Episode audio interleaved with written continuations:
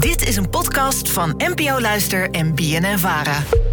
Ik zag dat het alweer zes jaar geleden is dat orkaan Irma over onder andere Sint Maarten heen is geraasd. Er waren ineens allemaal mensen zonder dak boven hun hoofd. Maar hoe staat het er inmiddels eigenlijk voor?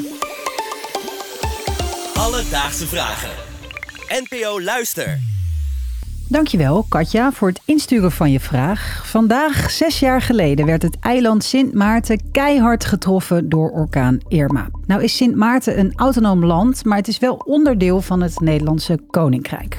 Nadat de megastorm in 2017 90% van het eiland verwoestte, stelde Nederland 550 miljoen euro beschikbaar voor de wederopbouw van het eiland. Maar hoe staat het er nu zes jaar later eigenlijk voor? Vanwege de impactvolle gebeurtenis een iets langere aflevering dan normaal. Vandaag geen Aaron, maar wel John Samson. En John is coördinator, verslaggever, maker. Hij zegt zelf noemen maar gewoon journalist. Bij het Caribisch netwerk van de NTR. En hij komt veel op de eilanden. Hij heeft er nauwe contacten en is op de hoogte van het laatste nieuws. Mag ik wel zo zeggen, toch? Jazeker. Hi Merel. Het gaat nu specifiek over Sint Maarten. Uh, we zijn inmiddels zes jaar verder. Misschien om maar bij die basisvraag te beginnen van Katja. Uh, staan de huizen inmiddels weer overeind op het eiland? Ik was een paar maanden geleden weer op Sint Maarten. En ja, zeker als toerist, dan denk je: wauw, wat een prachtig eiland. Er staat er uh, veel beter bij dan voor orkaan Irma. Maar als je goed gaat kijken en als je echt oplet in je auto, dan zie je nog dat sommige huizen opvallend verwoest zijn en geen daken hebben, maar verlaten zijn. Ja, dat is een erfenis van orkaan Irma. Nou heb je ouderen gesproken, ook in die omgeving, die dus zes jaar geleden hun dak hebben zien wegvliegen. Uh, hebben zij in de tussentijd ook wel nog kunnen genieten van een nieuw dak, een afhuis? Ja, dat vroeg me dus inderdaad af, want wat als je van 700 gulden pensioen moet leven? Ja, wat dan? En dan ga ik ook kijken naar een paar van die huizen. En dan uh, zijn die huisjes, ja, hoe moet je dat noemen? Het zijn allemaal uh, bewerkt met hout. Hmm. Een dak met houtplaten. Een snelle opbouw. Dus ja, die mevrouw vertelt me, ja, weet je, als er een orkaan categorie 2, 3 is, dan, dan blijft er opnieuw weer niks over van mijn huis, alleen de fundering. Maar je zou denken, eh, het is een noodsituatie, je kan er niks meer aan doen dat je huis niet meer heel is, want een orkaan. Dus hoe kan het dan dat het voor zo'n vrouw niet geregeld is? Dat vroeg zij dus aan mij, ja. als journalist. Hoe kan het? Ja, interessante vraag. Ben je uh, tot een antwoord gekomen waarom het dan toch lastig is verlopen voor sommige mensen die wederopbouwen? Heeft het dan met bureaucratische regels te maken? Ja, absoluut. Als je ook ambtenaren uh, spreekt en politici, iedereen is het over eens uh, dat het te maken heeft met die enorme bureaucratie.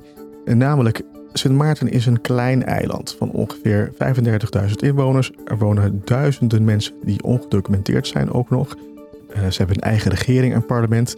Dus Nederland kan niet bepalen uh, van de pensioenleeftijd moet omhoog. Of je moet het huwelijk openstellen hè, mm. voor iedereen. Uh, dat, dat kan dan niet. Nederland gaat wel over buitenlandse zaken en over defensie.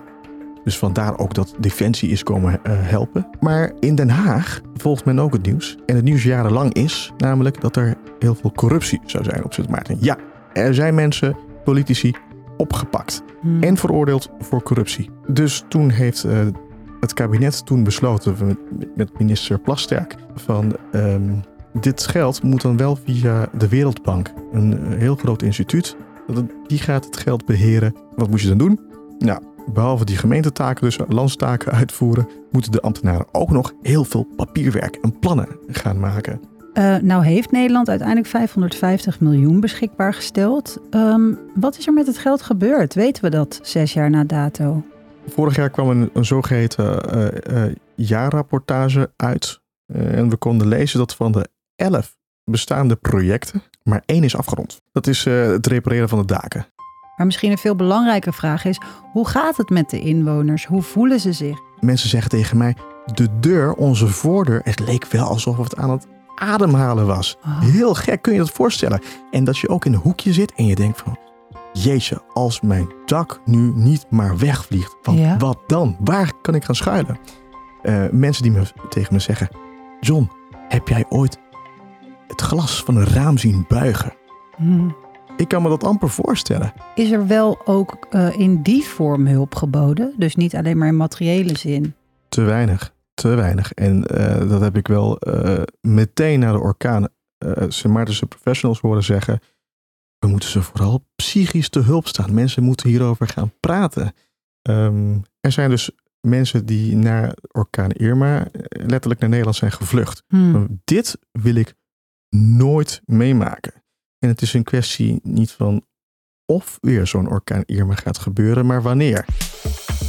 Alledaagse vragen. De toekomst. Want hoe gaat het nu op het eiland, of ook misschien wel in andere delen van het Nederlands Koninkrijk, als het gaat om uh, rekening houden met Mhm. eventuele natuurrampen die er nog aan zitten te komen? Heel veel uh, mensen, vooral mensen die uh, goed verzekerd waren, hebben uh, hun huis beter gebouwd. Je merkt ook dat de infrastructuur uh, op Sint Maarten ook veel beter is, veel sterker is. Dus ja, goh, dat moet straks blijken met zo'n krachtige orkaan. Dit is ook een vraag wat ik dus heb gesteld op de andere eilanden. Bijvoorbeeld aan uh, politici op Curaçao. Maar goh, dit eiland heeft nog nooit zo'n zo'n zware orkaan meegemaakt. Die kans is wel iets kleiner, hè, Hmm. mm. omdat we dichter bij de evenaar zitten. Dat ze zoiets meemaken. Maar wat als? Wat als een orkaan categorie 3? Niet eens 5, maar 3. Ja, die politicus zei tegen mij: Ja, John, ik wil er eigenlijk niet eens over nadenken. Want Mm. op Curaçao wonen veel meer mensen, 150.000 inwoners. Ja, en uh, die daken kunnen niet eens uh, tegen een heftige storm, laat staan een orkaan. Eigenlijk zien we dat nu al. Weten Ja. we dat gewoon al, dat dat niet kan. Nee. Ja, ja. En uh, wat, wat ik ook nog opmerkelijk vond, goh, we hebben dus ook nog drie Caribische gemeenten hè, van Nederland, waar Den Haag het kabinet direct verantwoordelijk voor is. Saba, Sint-Eustatius en Bonaire. Bonaire. Heel goed. Ja. Nou, uit een rapport uh, wat mevrouw, uh, wat minister Dylan Jasilgus uh, heeft uitgebracht, blijkt dus dat de rampenbestrijding helemaal niet op orde is. Onvoldoende op orde.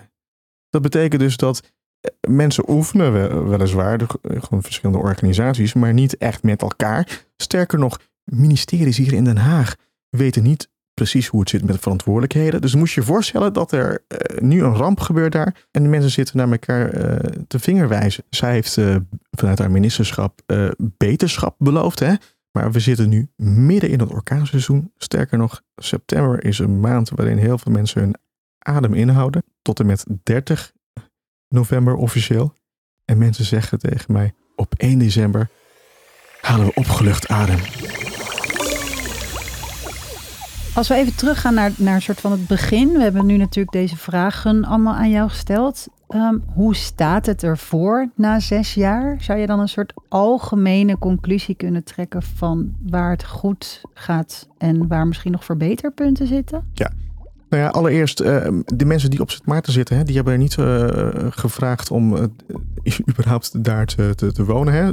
Door, door ons slavernijverleden heeft Den Haag een verschrikkelijke grote verantwoordelijkheid. Al is het een morele verantwoordelijkheid. Hè. Uh, die orkanen, het gaat vaker voorkomen. Helaas ook zo'n krachtige orkaan als Irma. Dat gaat een keer weer gebeuren. Belangrijk is dat Den Haag ook goed gaat luisteren naar de politici en de mensen daar. Die hebben gewaarschuwd van zet niet zo'n groot instituut als Wereldbank op ons. Want dat gaat heel lang duren met al de bureaucratie. Ja, daar moeten we lessen uittrekken. We weten ook dat door klimaatverandering er intensievere orkanen komen. Hmm. En we weten ook dat heel veel eilanden daar niet goed op voorbereid zijn. De Ja. eilanden hebben niet uh, het, het, het, geld om daar uh, om, om, goede plannen te maken en uh, goede huizen te bouwen. Hmm. Dus ja, we moeten heel snel, heel goed nadenken hoe we de eilanden gaan helpen en vooral daarin samenwerken. John Samson, dankjewel voor toch wel uh, ja, een speciale aflevering, zou ik willen zeggen. Dankzij Katja, de vragensteller, uh, past natuurlijk mooi bij de dag, uh, ja, de 6e van september. Heb je nou ook een vraag, een alledaagse vraag? Mag van alles zijn. Stuur hem dan vooral in naar alledaagsvragen.bnnvara.nl of ga naar onze Instagram pagina Alledaagse Vragen. En dan zoeken wij hem voor je uit. Alledaagse Vragen. NPO Luister. BNN Vara.